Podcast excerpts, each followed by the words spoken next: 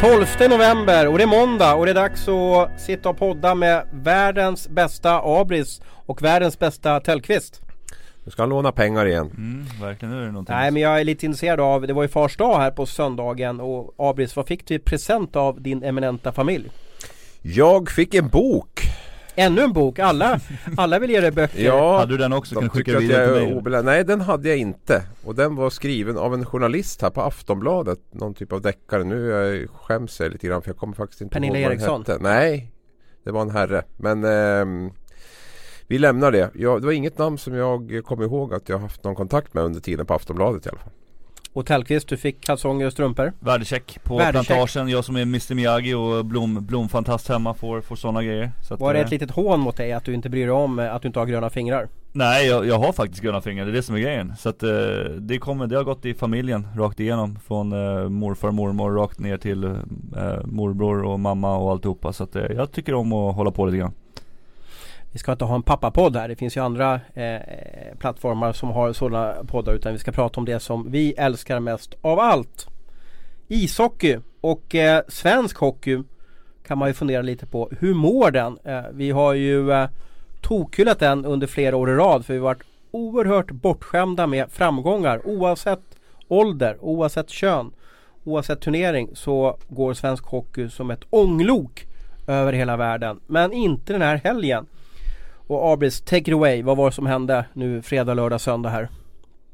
Ja, eller vad var det som inte hände kanske vi ska säga. Det var ju inte, det var inte speciellt mycket segrar och inte speciellt mycket mål Men det var fall. många landslag ute. Ja, väldigt många landslag. Som vanligt de här helgerna så smattrar det ju mejlen konstant eh, från Svenska ishockeyförbundet. De med har gjort någon deal med från- TT. Ja, nu är det något nytt med TT där så att Feltis, Feltenmark eh, slipper skriva dem där nu tror jag. Utan det, det, Det är på något annat sätt. Ja, någon på TT är det väl i alla fall där. Nej men det som hände var väl att vi i stort sett kammade noll i de fyra eh, äldsta landslagen kan vi väl säga. Damkronorna, Tre Kronor, Juniorkronorna och Småkronorna. Så blev det ju, eh, ja segrarna var ju lätträknade där och vi slutade bli i stort sett sist i, i varenda turnering. Så att det var väl en fiaskohelg så sett. Om vi ska utbilda mig och våra läsare. Tre Kronor har alla eh, stenkoll på. Det, det är vårt finaste landslag för seniorer.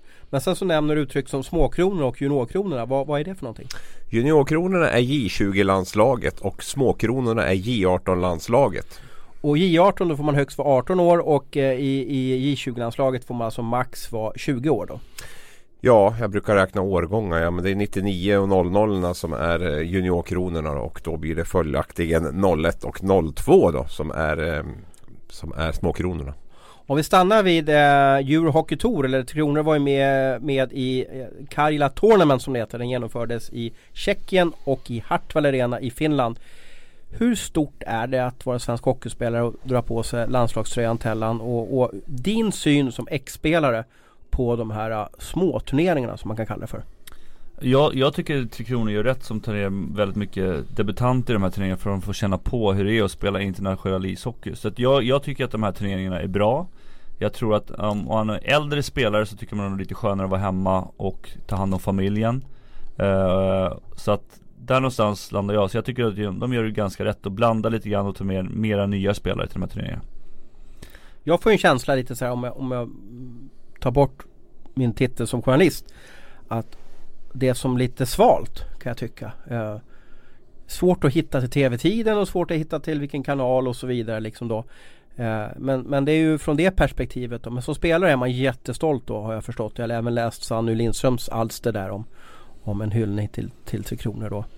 Eh, men, men bryr man sig om att det är lite svalt i, i, ute i, i folkhemmet? Ja, men det är klart att det, det speglar väl lite vad, om man tackar ja eller nej. Men jag tror att det är en större grej för, för de äldre spelarna då att man känner att det kanske inte, det spelar inte så stor roll om jag är med eller inte.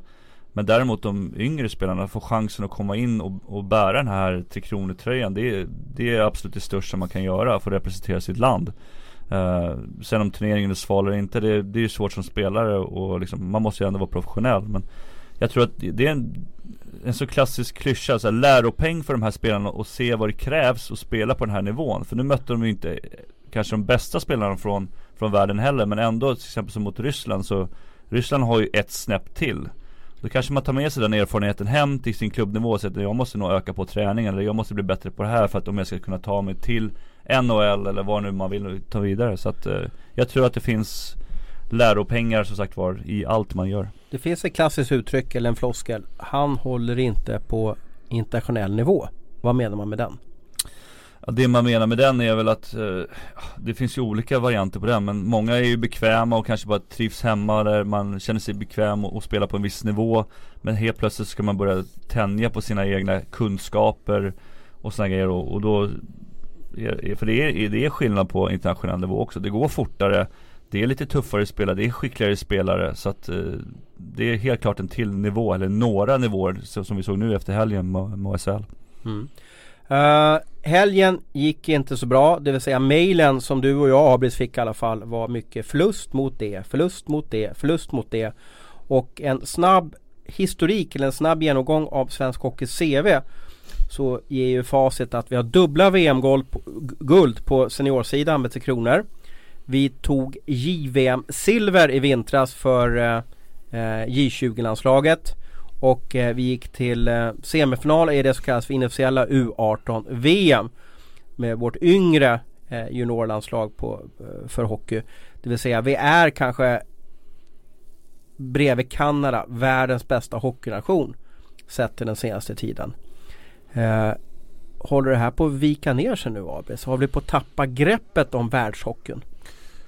No, men problemet är att vi behöver inte bry oss så mycket om det här. Och det är ju det som är problemet tycker jag lite grann. Att, eh, Hur menar du då? Ja, alltså det finns ju väldigt naturliga förklaringar till, i många av de här fallen till att det inte har gått så bra i, i helgen. Då. Om vi tittar på Tittar vi på Tre Kronor till att börja med där så har vi ju för det första inte plockat med det bästa vi har Men i Vilka saknar du då? Ja det har väl en hel, ett helt gäng där i, i, i KL i alla fall med eh, Linus Omark, Pat, Patrick Hörsley, André Petersson. Eh. Fast jag tror inte att de var Jag tror de hade fått förfrågan om dem men jag tror inte Jag fick en känsla av att de tycker Omark tror jag själv har tackat nej. Jag jo men jag menar att de skulle höja kvaliteten. Ja. Att vi skulle vara lite bättre med dem. När vi inte ens har med Jonas Junland har gjort ett jätte, en jättehöst i, i Schweiz där och inte heller Jag tror att man har valt den här gången att gå på ganska mycket yngre Och lite nya namn också. För man vet ju vad Junland gör i, i Tre Kronor. Han har ju spelat 70 landskamper säkert. Ja, att man kanske testar de här lite längre fram på säsongen och, och, känner på dem lite då. Är de sugen att göra den här resan som, som det innebär och eventuellt bli sidsteppad och, och lite så. Det kanske är svårt att svara på nu utan då är det ja. bättre att, spara med de här lite äldre killarna till, till eh, Sweden Hockey Games som det hette förr. Det heter kanske fortfarande nu igen. Nu tror jag att det är, eh, jag vet inte om man får säga en reklam. Eh, nej, hoppar nej, vi hoppar. Men det jag menar är att vi behöver inte bry oss om det här och det är det som är lite, mitt, lite min ingång i det här också. att eh, jag tycker att eh, visst, absolut. Det, tittar man bara på själva händelsen så, så ger det säkert en del för de spelare som är med och spelar. Men man måste ju också titta på vad, vad, vad kostar det i andra änden så att säga. Från, för SHL-klubbarna som dels måste trycka ihop sitt spelschema, dels få tillbaka skadade, spel, eller få tillbaka skadade spelare i vissa fall och, eh, och, och det ena med det andra. Så att, är, det, är det värt bara för att vi ska åka runt och testa lite spelare och spela fyra sådana här turneringar på en säsong? Jag tycker inte det. Champions Hockey League är också en, en, eh, en sak som man skulle vilja väga in i det där. att um, hur ser ditt Abris drömupplägg ut då? Ja, men titta på Eurohockey Tour så tycker jag definitivt som det ser ut nu med, med att där alla spelare kommer från NHL till VM. Att två turneringar per säsong skulle räcka jättelångt för mig. Och då tycker jag man kan dela på dem där. Så vartannat år så får Sverige ha en turnering och eh, att två, två, ja, Ryssland och Finland i år och till exempel Tjeckien, Sverige nästa år. Då kanske man eventuellt till och med skulle kunna sälja ut de matcherna som var här hemma. Om man kunde skapa lite hås runt det där. Jag tycker ett överflöd både när det gäller eh, landskamper och den här eh, Champions Hockey League klubbturneringen där. Sen visst absolut internationellt utbyte är bra, det är nödvändigt men, men just nu tycker jag vi får ut alldeles för lite av det i förhållande till vad, vad vi ska lägga in. Och jag tror så här Thomas att det lilla, SHL har fått gjort ganska exakt som man har velat med allt från tv-avtal till eh, kvalmekanismer, allting. Det, det, man har gett tillbaka har ju varit den här, eh, man har släppt spelare till landslag. Vad händer nu om SHL kommer att få ge vika på mycket i den här nya serieutredningen som kommer? Jag tror att man kommer att sätta mycket hårdare krav på det här med att släppa spelare till 30 Det är ju deras, eh, vad ska man kalla det för, knockoutslag som kan använda tillbaka. Jo men det är ju så. Och nu har man ju låtit använda spelare fritt till landslag i stort sett. På grund av att man har fått gjort i stort sett som man har velat i övrigt då med, när det gäller allting. Och eh, om nu de här eh, kommer att ritas om det här seriesystemet och blir lite mer som, som allsvenskan vill och som Hockeyförbundet vill. Då tror jag att man kommer att använda det här knockoutslaget också. För det är också om vi, om vi backar bandet var det ju så, så här som allting startade en gång i tiden. Tidigare var ju då alltså Svenska Hockeyförbundet, nu halkar vi in på de här avtalsfrågorna igen. Men vi ska dra lite snabbt så att ni, ni förstår vad vi pratar om så att det inte blir som rena grekiskan för er. Att en gång i tiden så fick ju då svenska hockeyklubbarna pengar när man släppte spelare till i alla fall seniorlandslaget. Jag vet inte hur det var med juniorlandslagen. Men för, eh, är det 20 år sedan Abres eller? Vad, vad är vi inne på? Ja, något sånt ja, är det väl. 20 år sedan så, så bestämde man att eh, Ja men vi hoppar det här. Vi, vi, ni får låna våra landslagsspelare gratis, sa klubbarna. Men då vill vi förhandla fram kommersiella avtalen för eh, elitsen som det hette då. Och förbundet tyckte väl, ja men det är väl lugnt. De var ju inte värda så mycket de här kommersiella avtalen då. Så det, det låter som jättebra. För det var jättedyrt för förbundet på den tiden att behöva betala. Jag tror man betalade, kanske var första gången du var med Tellan, kanske kommer ihåg det. Jag tror man betalade först något traktamente för varje spelare. Eh, och sen mm. stod man för någon typ av försäkring för, för spelarna också. Så att jag, jag, tror det var hyfsat dyrt för förbunden alla de här uh, små turneringarna som var. För det, det, det, förbunden var inte så starkt på den tiden. Ja, man fick någon typ av lön. Det var inte så supermycket men man fick i alla fall uh, några ja. tusen. Men som, som jag som var ung då så var det ju fantastiskt att kunna få ja, en extra Och idag inkomst. så får ju spelarna noll kronor. Det vill Absolut. säga man har ju lönen från SHL-klubben då. Nu är den oftast om man är med i landslaget så är den ganska väl tilltagen. Ja. tilltagen då, ja, nu får du ju bara bonus, eller bara, men nu får du bonus om du vinner eller får medalj eller något sånt På VM På ja. VM ja. Och det här är ju en stor uppoffring för klubbarna. Det är inget snack om det. Luleå får tillbaka Emil Larsson nu kanske skadad. Jakob Josefsson skadad för Djurgården. Davos. Man betalar höga Davos löner med Anton Rudin. Ja absolut. En hjärnskakning där redan innan turneringen hade börjat. Och det här är också en jätteviktig tid för spelarna att vara hemma, köra rehab, Mörka bygga november. fysiken november eh, under de här uppehållen så att vi kan kasta mycket skit på SHL-klubbarna, eller SHL rättare sagt och så. Men här gör det, de eh, tvingas undvara en hel del på grund av, på grund av de här landslagsturneringarna som jag tycker är några för många. Men, det här det, det är en upp, det är som du säger, det är en uppbyggnadsperiod där, sista för för att bygga upp musklerna som man kanske har förtinat lite grann sen sommarträningen och, och vara med och förebygga liksom mot, mot slutspel. Men tillbaka till kärnfrågan. Svensk hockey, hur mår den? Eh, ska vi bara liksom nonchalera det som hände i helgen? Eller kan det bli så att vi, vi, att, att vi har en eh, lite sämre, vad ska man kalla det för, generationsväxling som kommer nu? Är inte lika stark som tidigare eller vad, hur, hur, hur, ser det ut med återväxten Abris? Ja, tittar vi på, tittar vi på kort sikt på, på J20 juniorkronorna som växt fram som kanske vårt mest folkkära landslag under jul och nyår i alla fall. Eh, så, så, är det ju bekymmersamt. Det ser ju inte jättestarkt ut i år. Nu ska vi ha klart för oss att Våran styrka, om vi säger våran då med Sverige, är ju backsidan där vi har ett riktigt stjärngalleri med, med spelskickliga offensiva backar. De var inte med i den här turneringen nu i Tjeckien på grund av att de spelade Vilka saknade du då? Ja, Erik Brännström, Timothy Liljegren, Rasmus Sandin och eh, Adam Bokvist. Adam Bokvist och Rasmus Stalin kan vi inte räkna in. Så att eh, det, är, det, är ju, det är ju våran, det är ju det som är grejen med det här laget är ju backsidan och där hade vi ju inte ens i närheten av ordinarie sida. Men, men, och varför var inte de med då? Var, varför körde vi inte med bästa laget? Ja, jag, jag förstår ju. att vissa, bor, vissa är i Nordamerika då, men är det någon här hemifrån som skulle varit med som, som, som Montén inte ville lira på grund av att, att den redan är klar? Nej, det var det inte. Utan han hade plockat med gräddan av, av fy, Europa. Fyra platser är väl i stort sett klara och sen plockade han med det som fanns till, till att förstås som de övriga. Då. Och eh, forwardsidan det är i stort sett det vi har om vi ska vara helt ärliga. Som var där borta och gjorde två mål på tre matcher mot eh, ett Tjeckien, Ryssland och Finland som också har spelare i Nordamerika som inte hade sina absolut starkaste lag. Så att det är ju varningsklockor absolut att eh, offensiven inte var bättre än vad den var. Nu påverkas det naturligtvis också av, av back, att backsidan inte spelet från bakplan och så. Men, men eh, nej, 99-kullen är eh, sedan länge känd som ganska svag. Vi har Isak Lundeström som är den stora forwardstjärnan som är Anaheim som vi inte heller får loss. Vi har Fabian Zetterlund som var med förra året som är korsbandsskadad nu och som är osäker inför turneringen. Så att eh, de som var i Tjeckien nu det är de som ska göra det offensivt för oss i Vancouver och Victoria också. Och det ehm, är. Lite Lattjo och Benström som öser in mål och sådär som man tycker liksom är ordinarie i SHL då. Han borde ju vara stjärna i de här små Eurohockey-tour-turneringar om man kallar för det. Ja men jag har ju tjatat om det här. Jag har ju varit på rätt många JVM-turneringar nu och sett vilken nivå det är där. Och, och det, är en annan typ av hockey också. Ja en annan typ av hockey men det krävs ganska mycket. Ta Elias Pettersson förra året. Han var med två år i rad. Första året hade han riktigt tufft. Förra året dominerade han inte heller där borta. Det är en grymt hög nivå när du är med och slåss om det här sista steget, guldet, eh, finalplats. Då, då, då räcker det. Du ska vara riktigt bra i SHL för att du ska kunna göra avtryck i ett, i ett JVM också. Och jag har ju tjatat om det tidigare. Kvaliteten i SHL och Allsvenskan har, har sjunkit successivt också. Va? Så att det, nu räcker det nästan inte med att vara bra i SHL. Eller det är ingen garanti för att du kommer dominera i ett JVM. Utan det är, eh, det är en jättetuff miljö. Men i kärnfrågan då, om vi går tillbaka till den. Hur mår svensk hockey? Så måste vi väga in eller ha med att vi alltså har 80 spelare som är, lirar i NHL just nu. Vi kanske har, nu killgissar lite, 40-50 spelare, 60 spelare kanske i AHL. Mm. Vi har säkert 20 spelare i Schweiz, 20 spelare i KHL. Det är väldigt många spelare ute. Och det måste ju vara ett kvitto på att vi är en sjukt bra leverantör av duktiga hockeyspelare. Mm. Och hade vi kunnat nyttja de här, i alla fall de borta i Nordamerika, så kanske det varit en helt annan sak än de här Eurohockey Tour-matcherna. Ja men definitivt. Det är, men det är ju så. Det är som Abris inne på. Det är generation, vissa generationer är starkare än andra. Eh, inget snack om det.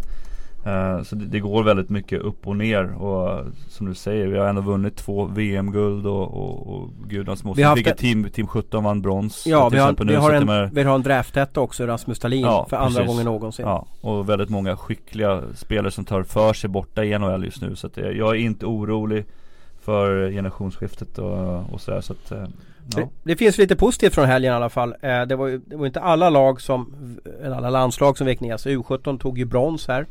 En speciell turnering i U17. Det är ju, då, det är ju U16 finns ju först.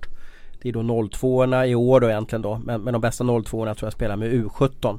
Och de tog ju brons i sin turnering. Uh, det är en speciell turnering som Kanada ställer upp med, med två lag, röd och blå. Uh, men det var ju ändå eh, ett steg framåt om man kallar för det i alla fall. Att där ser det ju i alla fall ut på den sidan.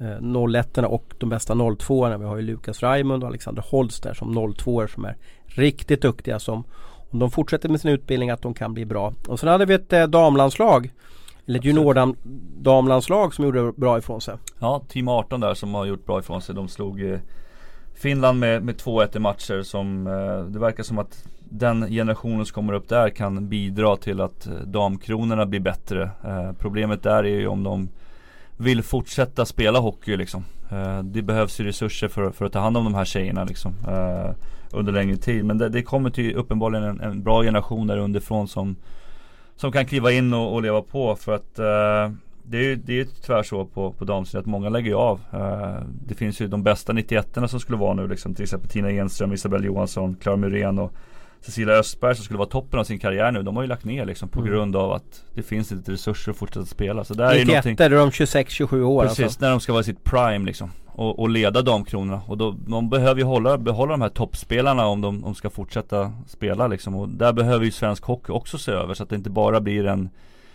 En kill, killsida om man säger så. Mm. Vi har ju ett, eh, också ett J18-VM på hemmaplan i i Örnsköldsvik som kommer upp här i april samtidigt som slutspelet går in i ett skarpt läge för övrigt. Och, uh, tajmingen där är lite illa men det är svårt att hitta kanske en lämplig tidpunkt då. Men, men det där landslaget, vad ska vi ha förhoppningar på det? Alltså, det är ju det som är uh, något år yngre än det landslaget som du hårdbevakar Abis då. Men är det risk för plattfall där uppe?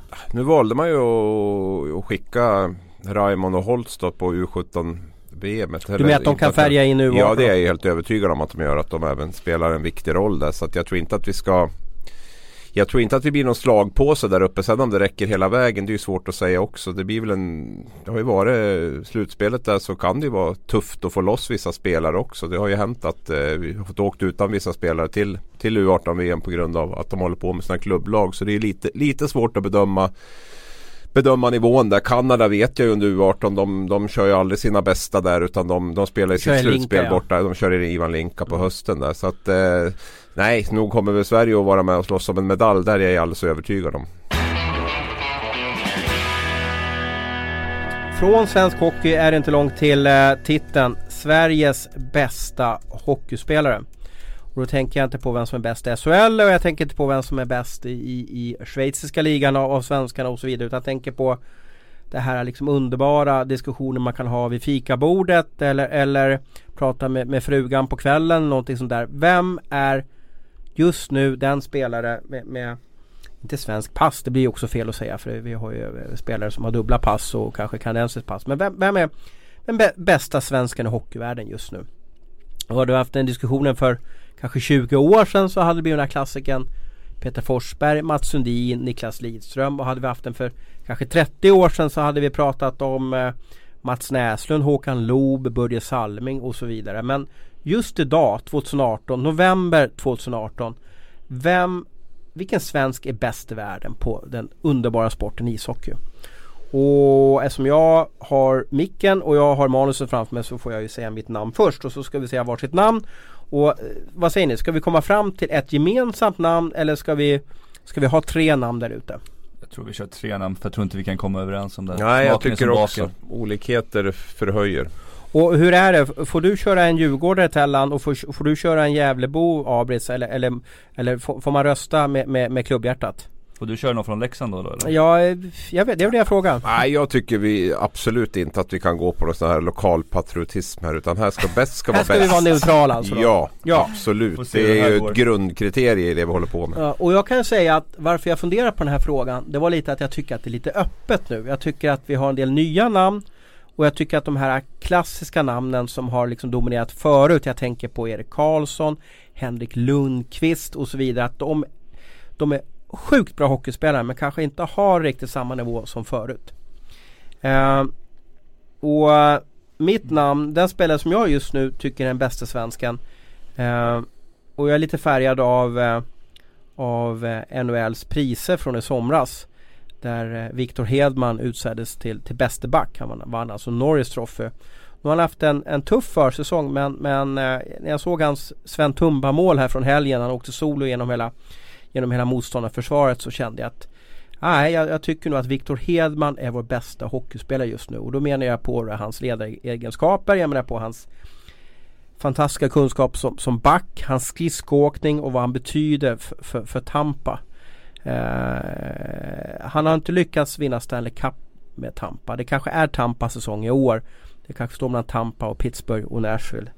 Eh, men just nu så tycker jag att han är Sveriges bästa hockeyspelare alla kategorier. Mm. Ja, inte just nu är han väl inte det men han har en potential Nej just bli... nu tycker jag att han är Sverige. Okay. Jag, jag tycker ja. det. Ja. Minus fem. Är det okej okay att, uh, att, att, ha en åsikt eller, eller vill du registrera mina åsikter? Ja det vill jag. Mm. Har du kollat upp dina åsikter? Mot någonting annat? Det är klart du får en åsikt. Vadå, uh, är du med att han är minus fem? Men det har vi ju slagit fast att plus minus statistiken var inte så viktig va eller? Där borta är den jätteviktig. Eh, däremot så måste jag ju ifrågasätta det men han är ju, han har ju en jäkla skill och sen har han ju sina ritualer in, in, inför också som vi ska gå in på kanske lite ja, senare. Precis. Men, eh, Viktor Hedman säger Thomas Roos, ja. vad säger Mikael Tellqvist? Nej uh, jag, jag bollar över den till, till Abris först för jag är yngst här så jag känner att jag tar min sista här. Beroende på vad han säger. Då får jag köra på uppstuds lite här. Och nej, för mig är Niklas Bäckström outstanding. Jag tycker att han är... Han står, Lever han inte på Ovechkin Att han dunkar nej, in puckarna? Nej, nej. Men han har ju en dimension i sitt spel som jag alltså, bara älskar. Och det är, det är ju den typen av spelare som jag tycker är så fascinerande att titta på. Henrik Sedin, Henrik Zetterberg, Niklas Bäckström. Det, det, det, är ju det är poesi att sitta på läktaren och titta. Vi har haft förmånen att sitta och följa de här spelarna hyfsat nära håll. Även om vi inte bevakar NHL men när de har varit med i landslag och sånt här. Att sitta i en arena och se dem spela.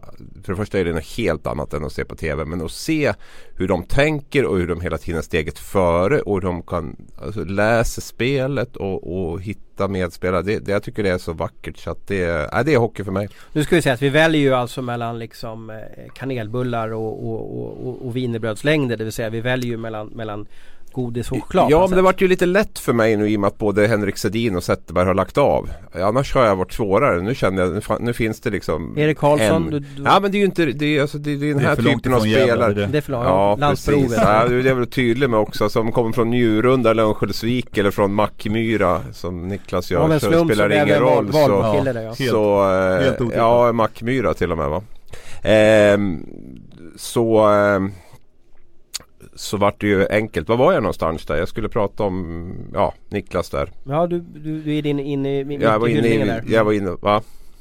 Vad sa jag? Mitt i hyllningen? Ja, Ja mitt i hyllningen, av- kom ni av när jag började snacka om någon Valbo, Gävle och Och grejer igen där liksom. Hockeyn är större än så. Ja, Erik Karlsson nämnde det Ja. där. Ja, nej men det är, ju- det är ju just den här Det här mm, lilla, alltså genierna, genierna. Erik Karlsson är också otrolig spelare. Det är ju det är inget snack om det. Men nu, nu vill jag lite mer förälskad i centerforwards också. Jag ska erkänna det också. Så att det, det spelar ju också Sen in. har han ju haft, alltså han blev ju hyllad här för 600 assist precis och de här Ja, jag såg, jag såg, highlights-filmerna. någon ba, såg någon bakom ryggen bakom målpassning bara i morse där. Och så det, det, han, han- alltså, nej men för mig är det ju För mig är det en dimension. Kommer Beckis bli bättre eller har han passerat Zenit? Eh, nej men jag tror att han kommer att hålla den här. Sen om han blir bättre det är väl svårt att säga. Men, men jag tror inte att han kommer att bli så mycket sämre. Det, det tror jag inte. Utan han kommer nog att, att hålla en tre, fyra år minst till. Det tror jag. Du har alltså tagit fram två eh, alternativ som, som eh, ni som lyssnar på det här får gotta i och fundera på vem tycker ni är bäst och så vidare. Och, och det är också där det, att utse vem som är bäst på hockey. Ja det är helt omöjligt för det, det är ju inget, det är inget prov de gör med någon typ av facit. Det är inte så att de ska ta något körkort och måste ha 52 poäng och den som har mest poäng är, är- är bäst i körkortskunskap. Utan det här är ju liksom väldigt personligt vad man tycker är en bra hockeyspelare. Men man kan väl säga att vi har tagit fram två stycken hittills riktiga godbitar. Ja det tycker jag verkligen. Så det är ju, då- det är ju då- crème de la crème här av, av svenska hockeyspelare just nu. Och en forward och en back och sen så lyssnar vi till för detta målvakten Mikael Tellqvist. Vad du tar fram för bäste måste, svensk eh, just nu i världshockeyn. det är klart vi måste ta in en målvakt, det är väl ingen snack om det. Vi måste ju jämna ut den här processen, det är ju ingen snack. Och du får väl säga hepp innan du ska göra någonting med målvakts, målvaktssnapp här. Så, så Men du, men du eh, hur... Uh, jag vet ju jag tänker på när jag liksom tar ut den som jag tycker är bäst. Hur resonerar du när, när du fick den här uppgiften igår? Hur, hur googlar du eller, eller ligger, ligger du ner i sängen och tittar upp i taket? Hur, eller hur når du fram till vem du tycker är bäst på hockey just nu? Jag resonerar så att jag tycker att man ska ta med i insikt hur laget spelar, hur laget är uppbyggt eh, i den prestationen också. Inte bara liksom, eh, Beckis i all ära, men han spelar med ganska bra hockeyspelare också. Eh, Viktor Hedman spelar också ganska bra hockeyspelare, så det är därför jag går in och väljer målvakt i Jättetråkigt som du säger innan men eh, Henke Lundqvist för att det laget som han spelar framför är inte i närheten av eh, flera andra lag där borta i NHL också. Och han ligger fortfarande på en räddningsprocent på över 92 och, och bär, och har, bär det här laget på sina axlar just nu. Han har OS-guld och VM-guld. Kommer han få vinna Stanley Cup någon gång? Ja, inte som det ser ut nu. Jag tror inte laget har en, en kapacitet att gå hela vägen och eh, då måste han spela på en sån här Dominik Hasek nivå när han stod i, i, i Buffalo där när han gick till Stanley Cup-final. Det vet jag inte om han har i sig i sig men samtidigt så är jag grymt imponerad att han år efter år efter år bara betar på och stannar kvar och kämpar och visar faktiskt någonting som vi snackar om klubbhjärta. Han kunde lätt ha gjort någonting och sagt att han skulle gå vidare till någon annan klubb liksom. Uh, blivit bortbytt så att, nej men jag, jag är imponerad av Lunkan faktiskt. Jätteimponerad att han, han bär det här laget på sina axlar och ehm, En helt okej start får man väl lov att säga på för Rangers i år jämfört med vad många trodde. En 36-åring som är Sveriges bästa spelare. Det, det är som med oss Thomas. Det är bästa åren bakom oss. Mm. Eh, man funderar på när man ska sammanfatta Henriks karriär hur stor han kommer bli och jag tänker också liksom lite i New York perspektiv då. Han har alltså spelat, hur många NHL-matcher kom du upp i Tellan? Ja, jag fick faktiskt ett papper här häromdagen. Jag, jag spelade eh, 120 matcher men som målvakt så får du ju även registrerat när du inte spelar utan du är med i line-upen. Så det var 375 tror jag fick till slut. Och, och just nu så är, är Lunkan eller ku- kungen eller, eller Hank eller Henrik vilken namn man nu väljer på den fenomenala målvakten. Har spelat 118 NHL-matcher. Fantastiskt mycket, som målvakt. Och i samma klubb också. Vad sa du? 118? Nej, eh, 818. Fel av mig. Ja. Ja. 818. Vi Det- lyssnar på vad du Ja, säger i ja, alla det är fall. Ta det som en... Jag det på som... min Elite Prospect-sida nu. Jag ska bara kolla om det var med. 818 matcher står det game played och sen har han säkert lämnat någon match för han har inte fullföljt 100, 818 utan han har bara fullföljt 805 matcher så det är väl kanske 13 matcher som han har blivit utbytt då. Mm. Vad, vad gör honom till en så bra målvakt förutom vinnarskallen? Han tävlar hela tiden. Det är vinnarskallen där Ja. alltså.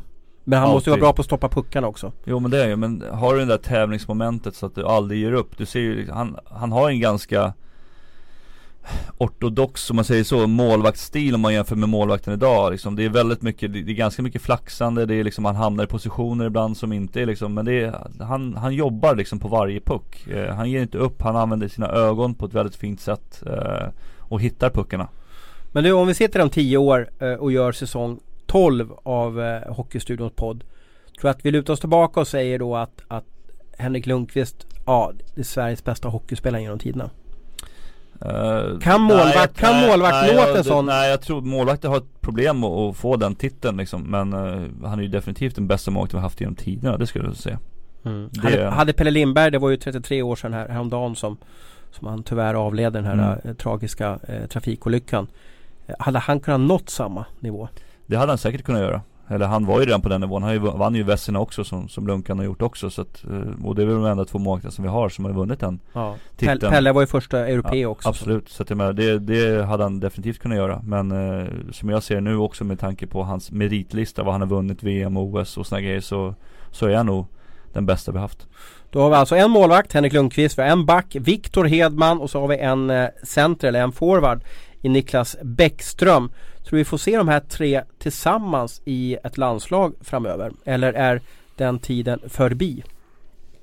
World Cup pratar de väl om nu var det 2020? 2020. Så det är väl den chansen vi har känns det som med eh, att få med Lundqvist där också. Så då, då tror jag att vi får se dem tillsammans om det blir en eh, realitet inom ett eller två år där.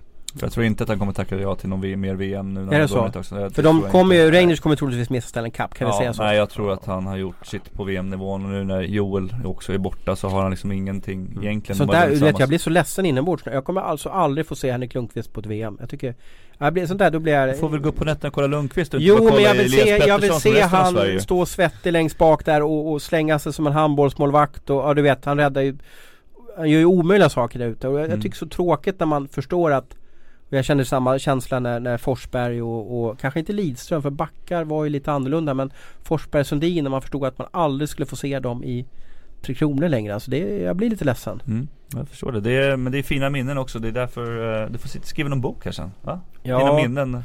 Dina VM-minnen. Precis, för King ja, precis ja. Ja, vi får se om han kommer kanske i World Cup 2020. Då är han alltså 38 år. Det är ganska många ganska många år för. Tror han håller då? Alltså funkar det att vara bäste svenska målvakten med 38 år? Han börjar ju få lite krämpor, det märkte vi också med, med knän och höfter och, och såna grejer men uh, han, han verkar ta hand om sig på ett bra sätt och så, fort, så länge huvudet är med, det är ofta där det händer liksom. Så länge huvudet är med då kan man fortsätta uh, pressa sig själv på somrar och, och på träning och såna grejer. Men så fort huvudet och den här inställningen försvinner då är man, då är man borta. Ja. Har du spelat med alla de här tre som jag tagit fram nu? Hedman, Bäckis och eh, ja, Lundqvist? Ja, Hedman vet jag faktiskt inte om jag spelar med om jag är riktigt ärlig. Nej. Det måste jag faktiskt kolla upp. Men vi har ju träffat Viktor har jag gjort men ja. Eh, de andra Alla är ganska trevliga, ödmjuka och, och sådär liksom. Jag skulle säga att de flesta hockeyspelare Det finns väl någon eh, Som man har stött på som Nämn vilken! Ja precis Uh, ja, ja. De, de håller på att förhandla just nu kan man väl säga. Så mycket kan man väl säga. Okej. Okay. ja, är ni med? Ja, vi är med. Ni, då vet ni vem jag menar. Men uh, Nej men svenskar rent generellt har ett väldigt bra rykte borta i NHL faktiskt. Mm. Uh, vilket är någonting vi ska vara stolta över. och de spelarna vi lämnar över nu också, de här yngre Idalin och, och Pettersson också är väldigt ödmjuka fina killar. Så det, det är någonting att vara stolt över att vi inte bara producerar bra hockeyspel utan bra människor. Normally, being a little extra can be a bit much, but when it comes to healthcare, it pays to be extra. And United Healthcare makes it easy with Health Protector Guard fixed indemnity insurance plans. Underwritten by Golden Rule Insurance Company, they supplement your primary plan, helping you manage out of pocket costs without the usual requirements and restrictions like deductibles and enrollment periods. So when it comes to covering your medical bills, you can feel good about being a little extra. Visit uh1.com to find the Health Protector Guard plan for you.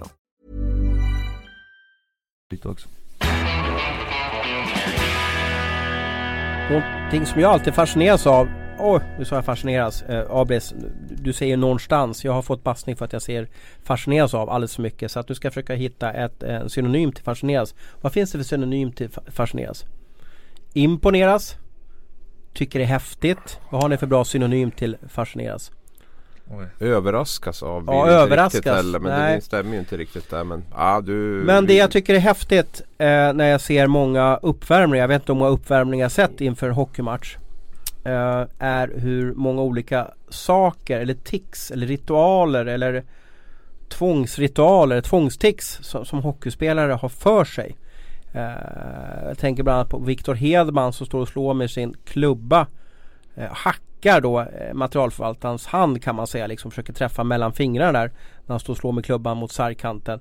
Men, eh, och det här finns ju tusentals av och jag ser ju bara toppen på ett isberg. Så vi har, vi har ju en eh, medlem i vår podd här som har varit med väldigt många år. Är det 20 år på seniornivå? Ja, på som är professionell nivå som har fått betalt för att spela hockey. Det här med tvångstics och uppvärmningsritualer, vad är det för något för dig? Eh, Det är väl någonting att man känner sig lugn innan matcherna, att man får, kommer in i någon mode där man känner liksom att nu är det game time liksom. Eh, Vissa har att de har, måste ha kostym och slips på sig när de går till matcherna eller vissa har Men är inte det kutym att man ska se väldigt dressad ut eller? Ja i NHL så är det ju det, men här i Ja. Sverige så kan man ju i stort sett klä sig lite grann hur som helst Förutom om man är ute borta och reser på bortaturnéer och då brukar Ja. man ha lite mer eh, gemensam klädsel Annars brukar det vara det som man vill ha på sig själv Men, men varför hockeyspelare det? Det är ungefär som om, om, om du åkte hit Abris, du tog ju tåget hit idag så skulle du vara tvungen att stampa fem gånger med, med din högerfot när du går av på centralen för att kunna göra en bra podd. Är, är det så man ska jämföra med? Jag tror nog att ju högre anspänningen är så Men det här, vi har ju en anspänning inför det här. Ja Men jag tror inte att det går riktigt att jämföra ändå och eh, jag tror att det Hockey handlar mycket om koncentration, göra det som finns i ryggmärgen eh, Utföra de saker man har gjort miljoner gånger på träning. Och då, då krävs det att man kommer in i ett visst sinnestillstånd för att ut, göra det på bästa sätt. Och då kan det här vara ett hjälpmedel just för att hitta den där eh, bubblan som man vill vara i. För det, vissa det är väl en typ av trygghet liksom man går in i. Det kan vara liksom som eh, när vi spelar in den här chattgrejen att du känner att du måste ha med dig datorn eller vad som helst. Att du känner att du måste, om du vill kolla upp och dubbelkolla någonting. Det kan vara en sån grej. Eller vad att man kollar upp saker innan man pratar om det liksom, Men vad har vi för tics då? Jag vet ett tics som, som Abris har. Vad kan det vara? Ja men Abris drar alltid upp tröjan ovanför eh, eh, ovanför eh, eh, Jag drar upp tröjorna som man har. För att se. Så kollar jag på vi Ja. Fast tics tänker jag, alltså, det Fast är väl en som omedvetet Jo men du gör redo för krig, är det inte så? Ah, ja precis, Kavla upp så. armarna. Ja men så, så Eh, känner jag nej, alltid men så. det är ju, det, jag, För mig är det ju mer om de här sakerna som man gör medvetet då i så fall. Att man står och slår med klubban som Viktor hemma mellan fingrarna. Eller Ja, att fast man, du måste väl dra upp tröjan medvetet, gör du inte Nej det? det är faktiskt helt omedvetet. Du biter på dina glasögon har jag märkt massa gånger. Ja men det gör jag. Det är, Ja. väl, det är väl en grej att jag är lite nervös och, och, och lite anspänd. Vad kommer nu? Och så är det ganska skönt. Och så känner jag mig lite som Leif GW Persson. Fast det är ju mer omedvetet man gör tror jag. De Okej. grejerna vi pratar om Men, nu. men tics Jag menar du det är helt medvetet då? Ja men det är ju inte, ja det är ju Det är det ju inte på det sättet. Men vi pratar om det som i, Jag vet inte om vi ska skilja på tics och ritualer. Alltså, jag vet inte vilket, vilket riktigt du syftar på nu. Om det, för tics är väl något kanske som inte Det är väl något man gör som inte är medvetet. Men jag tänker att du menar det som hockeyspelare gör ritualmässigt för att komma i, i, i en viss sorts eh, stämning inför matcher. Ja, eh, och det är väl många gånger väldigt, väldigt medvetet. Det är ju mikroskopiskt inställt på vilken skridsko som ska knytas och hur man ska stretcha på isen och, och när man, vilken ordning man ska åka in på isen och allt det där. Så det är väl väldigt utstuderat. Exakt. Vi glömmer tvångstics och eh, låser oss fast vid uppvärmningsritual.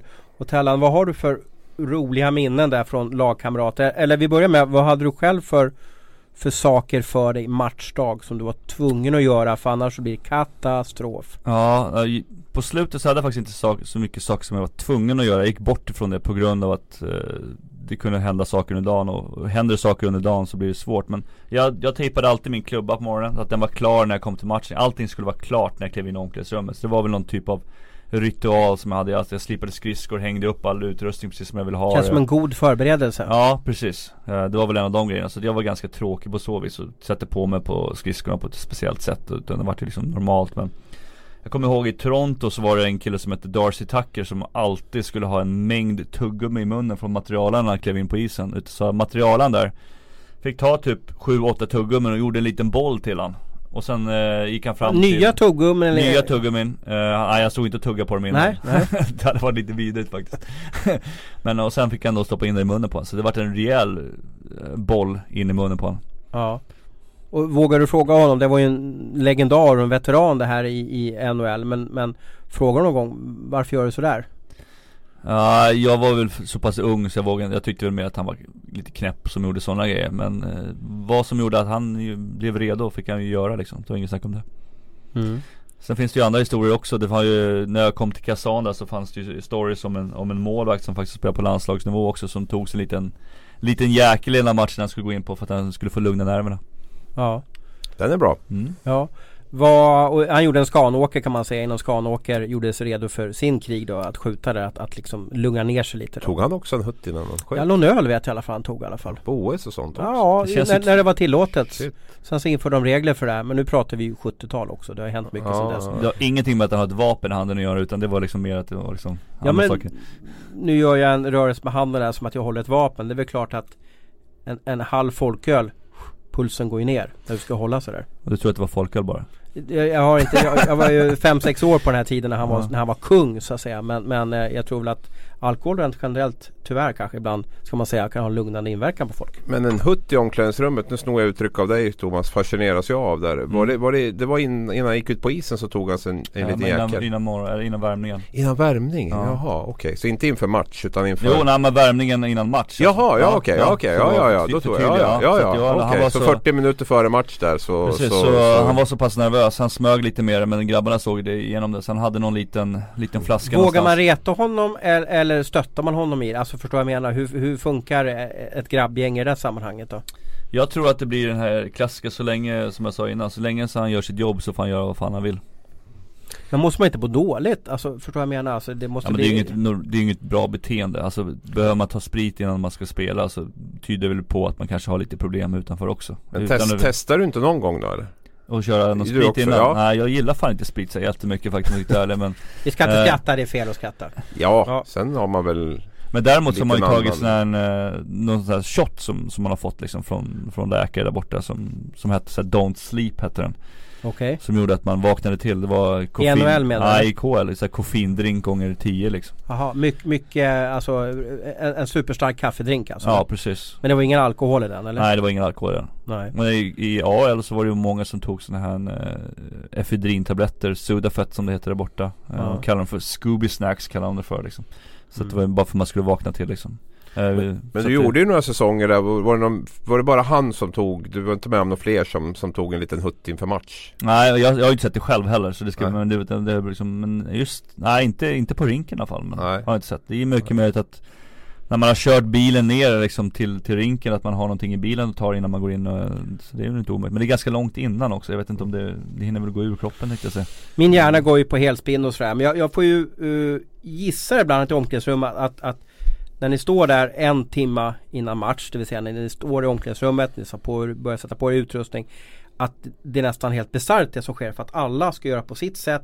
Och ingen vågar störa någon annan för då kan någon bli irriterad. Är det lite så att det är ganska tätt, att det är ganska vad som man kallar för pressat på något sätt i omklädningsrummet? Eller går man runt och daskar varandra i arslet och, och småtacklas och garvar eller hur, hur är känslan där? Det beror, det beror lite på vilken typ av människa. Sen är det ju alltid roligare att reta de som är extra mycket noggranna med, med sin ritual. Och gömma grejerna Ja, sådär. Jag vet att det fanns en spelare i Djurgården nu, Brodin är ju väldigt noga med, med sin utrustning liksom hur det ska ligga och, och såna grejer och ritualer. Så att det vet, kommer jag ihåg att det fanns ju spelare som tyckte det var extra kul att vara på han lite extra så här. Och gömma eh, skosnöret Ja, det, men sen finns det ju faktiskt en oskriven regel just det här med att så här, practical jokes precis innan match Det gör man inte. Det gör man inte utan Nähä. det gör man oftast på morgonen eller eh, på så vis liksom. Det kan ju vara att man gömmer någonting i, i hjälmen eller någonting Man ska ta emot mot hjälmen så står en kaffekopp eller någonting Vattenkopp är det ofta att man drar den så får man allt vatten över sig och sådana grejer så. En klassiker, raklödder i handskar Men det är bara för att det inte ska bli en katastrofscen där eller? Ja men man lägger ju väldigt mycket tid på att koncentrera sig inför matcher också det, men du är ju det sagt du är där två till Ja vissa är där tre timmar innan match liksom och ska man då Vissa klarar inte av det här riktigt Ja. Men jag vet ju att eh, du har ju blivit utsatt för practical joke. Jag vet inte om det var matchdag. Eh, men de gömde ju dina travklockor. Eh, dina lagkamrater i Vålerengen där för att liksom störa dig. Ja, och nu det vet jag var- inte om det var en, en eh, uppvärmningsritual då. Men det var ju någonting som du vart väl Ja, du vart väl inte så glad över det? Nej, det var på lördag eftermiddagarna där som de bollgästade mig ibland och stal mina tidtagarrus. Men jag satt och alla som håller på med trav vet ju att det är viktigt att klocka värmningar och sådär och se hur fort de springer, om de är i bra form, om det ser lätt ut och sådär. Så det, det satt man och gjorde där då.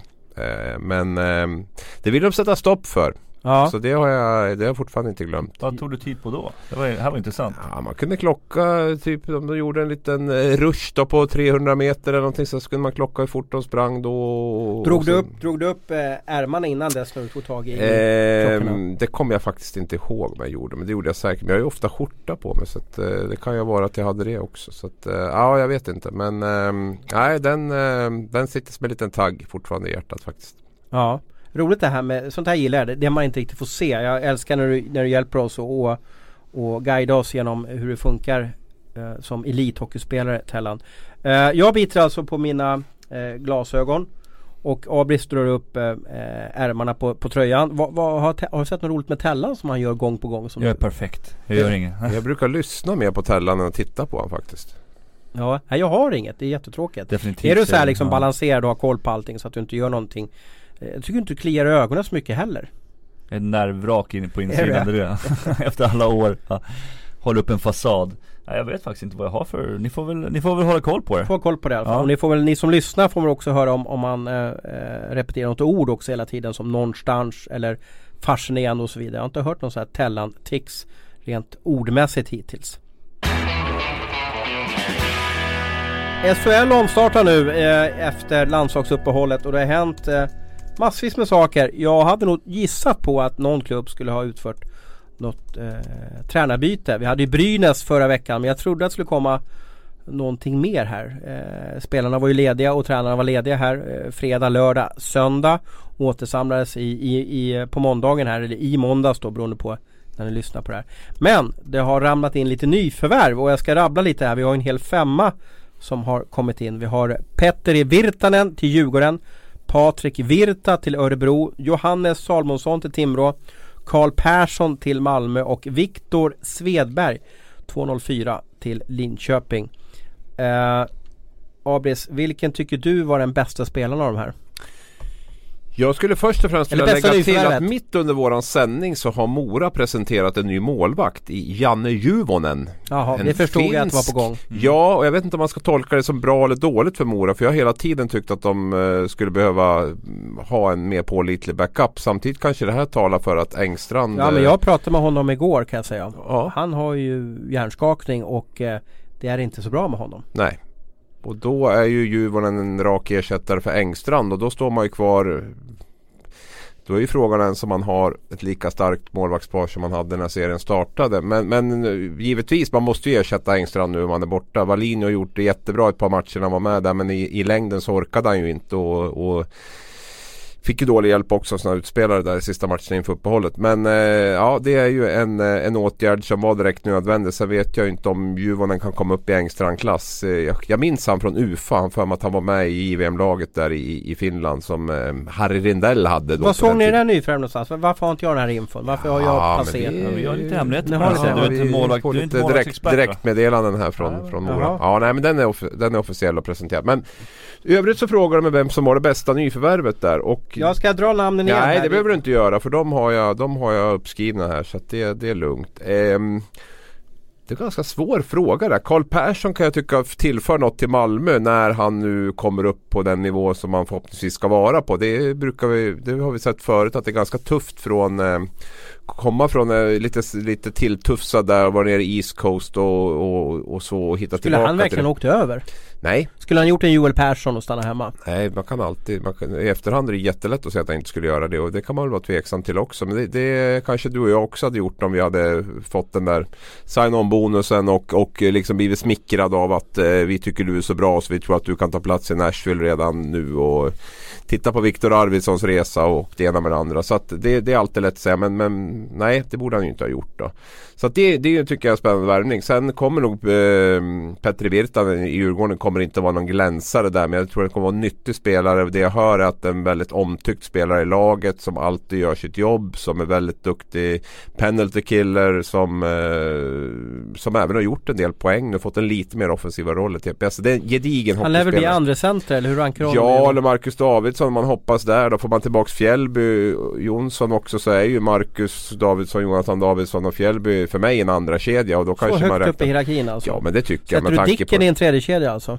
Eh, Det beror på om man ens spelar. Det är ju också ett frågetecken jag har. Han Fa- Fattar den verkar här ju... Pe- Petri Virtanen lär väl få leka med Dick, blir det inte så eller? Det är väl det som blir kvar om Dick kommer tillbaks jag är sugen att spela hockey och sådär. Det är ju det, är det också som man får ställa sig frågan om. Djur, Djurgården behöver ju definitivt, ska han vara med i Djurgården så ska han ju gå för fullt och, och, och vara en, en ledande offensiv spelare. Och det, det har väl inte varit än. Om det är bara skador som har gjort att det är så eller om det är något annat. Det får väl, får väl framtiden utvisa då. Men, men ehm, för mig känns ju den Davidsson-kedjan eh, om den blir återförenad som ett betydligt säkrare kort på en producerande kedja, producerande kedja framåt. Tolkar jag rätt som att du tycker att Virtanen är den bästa nyförvärvet?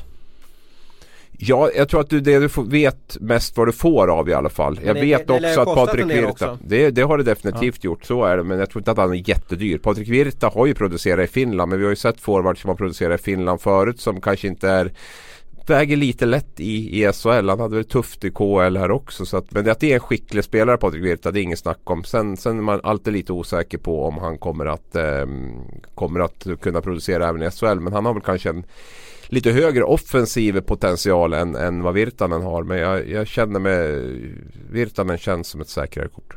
Men Virta behövs ju i Örebro också. De behöver ju få in lite mer scoring i där. Nu, just nu är det ju bara, inte bara, men Palusha gör ju det mesta liksom. De behöver få fler kedjor involverade och ja, just med, med Virtanen så är det väl perfekt egentligen med Dick om han är en hårt arbetande spelare. Att Dicken kan stå och servera honom eh, på ett eller annat sätt. Det skulle vara, kommer bli intressant om det blir så att de kommer spela tillsammans. Och vill bli återigen eh, uppmärksammade hur gamla vi börjar bli Abris. Jag kommer ihåg när jag, när jag bevakade Patrik Virtas pappa, Tony Virta. Var väl bland annat i Leksand där. Eh, och sådär. Och nu får man liksom Nu är det sönerna som man ska ha koll på. Det är inte bara Emil Larsson och Janne Larsson utan Det kommer alltså eh, finska hockeyspelare som är över 20 år Som har pappor som man har bevakat och det Det tycker jag är intressant att se också ett ett tecken på igen Man blir inte yngre Eh, Vem tyckte du var bäst av de här nyförvärven då? Eh, du kanske vill ta den här målvakten, finska målvakten. Vad hette han nu igen? Janne Juvonen. Var kommer han ifrån då? Han kommer från Innsbruck. Kommer han Innsbruck? Från, ja, Innsbruck Aha. kommer han från. Han spelade i Pelicans förra året. Var i finska ligan hela tiden. Mm. Jag är helt Okej. fel ute på det. Och, har varit i eh, Pelicans i, i Lahti Ganska länge vad jag ser ut som. Ja. I stort sett i alla fall en, flera år. Och så kommer från Innsbruck i år. Var med i Ufa borde han vara 93 va? Ska jag kolla här, han är 94. Ja, han var underårig där till och med. Han var med i Ufa. Ja. 1,85 så att eh, med- medelstor målvakt och menar, det, det är ju hemskt att behöva säga men det verkar vara riktigt illa då med med Engstrand och det var väl någon mer målvakt som hade också fått en smäll Ja, på va? Jonas Gustafsson, monstret där som, som uppgifter säger att han har, har hjärnskakning också. Mm. Engstrand kan ju träna, det vill säga men, men är inte, får inte stå matcher. Mm. Sen kanske det är lika farligt att träna om vi pratar om det här att det är med farligare slag. att, att träna oftast. på- men, men igen, när man varit borta över en vecka eller två veckor eller tre veckor, jag vet inte hur länge vi är nu på Engstrand. Det är svårt att komma tillbaka. Det är oerhört svårt att komma tillbaka. Målvaktsspel handlar ju väldigt mycket om timing också. Det är inte bara liksom att vara fysiskt redo också utan det är mycket timing, det är mycket liksom hur du ska få allting och, och retur. Ofta de första matcherna man kommer tillbaka så känns det som att pucken bara studsar på skydd och alltihopa. Man känner sig bara helt fel och jag vet inte om Mora riktigt har, har den lyxen och att, att han kommer tillbaka att han inte är beredd att spela på en gång. Och Engstrand har ju spelat så sjukt mycket i det här laget. Alltså det, det är ju absolut värsta tänkbara det här scenariot för dem alltså. För det, det kan vara lite inkörningsperiod för, för den nya finska målvakten också. Så det tror jag är jättetråkigt. Men, men vilken tog du Tella? Vem tyckte du var bästa kryddan till ett SHL-lag? Eh, De här. Ja, jag, jag tycker nog Viktor Sedberg är ganska intressant för frågan är när man tar in en sån stor spelare, hur är det med, med Bibic egentligen? Kan man ju undra liksom. Det, det, Det var, vi, det var vi inne på i förra podden här och Mm. det man såg mot Frölunda så är det ju inget bra alls. Och eh, när man har eh, fått några smällar av den typen som man har fått så är det inte så himla mycket som talar för att det kommer att bli så himla mycket bättre heller. Eh, jag är jätteorolig där för hans skull. Just Ja. att han eh, kändes inte redo när han var ute mot Frölunda och åkte på en smäll till där. Och eh, nu är ju frågan om hur lång konvalescens det blir. Och just det här när man ser att spelare agerar annorlunda när de inte ser riktigt klara i knoppen ut när de, när de åker på isen. Ja, som sagt första smällen tycker jag är konstig också mot Timrå där för en sån fysisk spelare att gå in på det sättet som han gör där. Det ser konstigt ut när, när han ramlar bakåt också. Ja, men han går ju in helt oskyddat och får en, får en rakt på hakan där. Och, Skyddar sig inte själv riktigt. Nej, inte alls. Nej. Inte alls. Och det är ju i, så- i en sån situation när du går in och tacklar så, så kan du inte sträcka fram hakan. Och han lever ju på sin fysik också. Ja, ja, ja absolut. Det är ju, tar du bort den, den dimensionen från hans spel så, så är Så det känns ju som att de, de fyller i en, en, en funktion i Linköping där med, en- med en spelare som, som är väldigt stor. Ja, 204. 204, längst, han blir ju längst i SHL då. Eh, Men, men kommer han hänga med eh, Svedberg då? Om, om han har svårt att hänga med i, i AHL, har han liksom möjlighet att hänga med i SHL då? Jag har sett för lite av honom så att jag, jag, kan- jag kan tyvärr inte svara på det. Men det är som sagt, det känns ju som att de fyller en, en, en plats med en, en likadan spelare i stort sett då som, som Bibers Men det får vi ju se, de, förhoppningsvis har de ju bra koll på vad han har gjort då eh, Där borta och eh, Kul att, han, att vi får ett, ja nu kan vi inte kalla honom för NHL-proffs riktigt sådär men ändå roligt att han på något sätt vänder hem och vi får se alltså profiler där borta som man trodde kanske skulle liksom bara tokjaga ett NHL-kontrakt då men det har han kanske lite gett upp. Han var ju assisterande kapten där borta också vilket tyder på att han har några bra lägeregenskaper Får man en sån, sån roll som, som icke-amerikan också där borta eller kanadensisk så är det också ett bra tecken jag menar, Han hade ju ändå 24 pinnar förra året på, på 73 matcher så att eh, det är inte superdålig för att vara back Nej, han har ju funnits på marknaden Svedberg länge. I stort sett sedan i augusti där och det har inte riktigt, riktigt hänt någonting. Men nu, nu öppnades väl en lucka där i Linköping. Fördelen för honom tror jag trots allt ändå att han är ju fostrad på stor rink i svensk hockey. Spelar SHL, vet lite grann. Det tror jag att gör anpassningsperioden lite kortare också. Men, men det har hänt mycket i, i ligan också på 5-6 år som han har varit borta. Det går, det går, det Mm. går lite fortare nu även om skicklighetsnivån har, har sjunkit lite grann. Men samtidigt med hans räckvidd då så kommer han kanske inte behöva kunna åka lika mycket skridskor också Jag menar, har en 204 då har han ganska lång klubba också liksom så han kan stå kan stå i mitten för att boxa ut spelare och ha Minechara. Ja precis, och fortfarande klubban ute i sarghörnet han står framför mål liksom. Ehm, jag hade tänkt att säga Svedberg då men eftersom jag får välja sist nu så, så tänker jag inte ta samma namn då. Men yes! vi ringde, ju, vi ringde och pratade du? med en, en källa inom Chicago här och de, han hyllade faktiskt Svedberg. Jag hörde på honom att han var lite besviken att han inte blev kvar inom Chicagos organisation. För han menar på att det är bra spelsinne och, och bra första pass och så vidare så att säga. Men, men jag säger väl Johannes Salmonsson då. Och jag eh, lägger väl in den eh, parametern här att jag tror inte han är jättedyr för Timrå. Jag tror att eh, han kostar inte så mycket, eh, vill bara spela hockey igen. Eh, och kanske inte haft så jättemycket på bordet heller. Utan Kent Norberg då snodde honom. Inte som en ersättare för, för Mattias Gute rakt av. Det, det, det kan jag inte riktigt säga att, att de är. För de, eh, jag, jag ser dem inte riktigt som liksom samma typ av hockeyspelare. Men jag tror Johannes kommer tillföra Han är en väldigt stark skridskoåkare. Bra längs sargerna. Eh, har rutinen som behövs i det här unga Timrå. Varit med väldigt många år. Så att faktiskt räkna hans SHL-klubbar. Timrå blir alltså hans Han har spelat för Djurgården Brynäs AIK Linköping. Det är hans femte SHL-klubb då.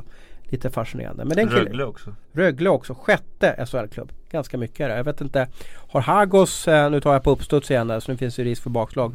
Har Hagos SHL-rekordet fortfarande? Ska vi räkna hans klubbar och se om vi missar någon? Skellefteå. Vänta, vänta, när du räknar ska, så ska, ska jag Ska jag powergoogla Hagos så kan, kan jag få Ja, facit här. men det är ju, nu får ni hjälpa till. Jag, Skellefteå, AIK, HV. Eh, och Timrå, Rögle Rögle. Är det någon som räknar eller? eller? Fem är vi uppe i där i alla fall.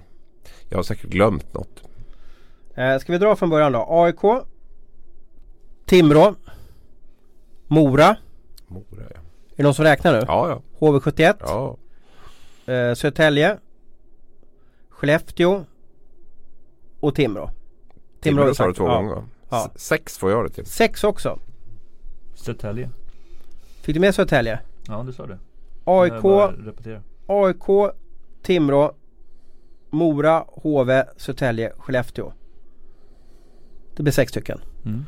Ja, då, då tangerar Johannes uh, Hagos eh, eh, rekordet kan man kalla det för då Sex SHL-klubbar, är ganska häftigt Mm. Vad, eh, som hockeyspelare, struntar man i sånt där? Är det bara vi i media som älskar att räkna klubbar? Jag tror att det är en, eh, en eh, åldersgrej. Att man var van förut, man, man spelar för samma klubb. Nu, de yngre spelarna tror jag inte bryr sig så mycket om det. Eh, det är så hockeyn ser ut. Man byter klubb och spelare byter klubb och, och klubbar sparkar spelare hit och dit. Så att det är inget ovanligt. Kommer inte Äh. bli ovanligare heller tror jag. Om vi vänder på frågan lite snabbt. eh, Ni, ni måste inte svara men ni får jättegärna svara för det blir så tråkigt annars för våra lyssnare. Vem av de här spelarna vi har nämnt eh, tror ni eh, inte kommer nå samma framgång eh, som de spelare som vi, som vi har lyft nu och tror blir succé? Så jag känner ju spontant att det är minst Det är ju Johannes Salomonsson jag Men han, han har ju så lite som krävs för att det ska bli succé. Alltså, Jo men vad behöver Timrå? Timrå behöver ju få in spets. De behöver få in, alltså, de har ju en ganska stor mängd forwards. Nu jo men de behöver stabili- stabilitet också. De har varit väldigt svaga bakåt också tycker jag. Jo men de behöver producerande spelare och jag, det Timrå behöver ha in är ju, är ju spets. Nu vet jag att det inte är jättelätt att hitta sådana spelare Fast och jag vet att det, är, inte det Olofsson tuff, och, är inte det tufft att liksom klanka på honom där riktigt? För jag menar han är ändå ska göra 20 poäng per säsong. Det är det man räknar om honom liksom då. Jo men nu Då, menar då, då menar du, då kanske nubben du ska vara kritisk Det är mot. den värvning jag förstår minst av. Alltså på det sättet. Och jag förstår att de behöver bredda truppen lite grann. Olofsson och Hollander försvinner bort där. Guter har försvunnit. Så jag förstår att de behöver få in en forward och jag vet att marknaden inte är jättestor. Men, men det jag får minst puls och det jag liksom ser minst eh, poäng i att värva är ju Johannes Salomonsson till Timrå. Ja. Timrå har gjort minst mål också så att men de har 31 mål och där, Ja men Virtanen är ju, ju en ersättare för Engqvist, en center som kommer göra ett gediget jobb. Virta är ju spets för Örebro som man behöver ha. Karl Persson är också spets för Malmö som, som de behöver ha. Viktor Svedberg ersätter ju Bibic. De har ju inte så mycket starka defensiva eller stora backar så.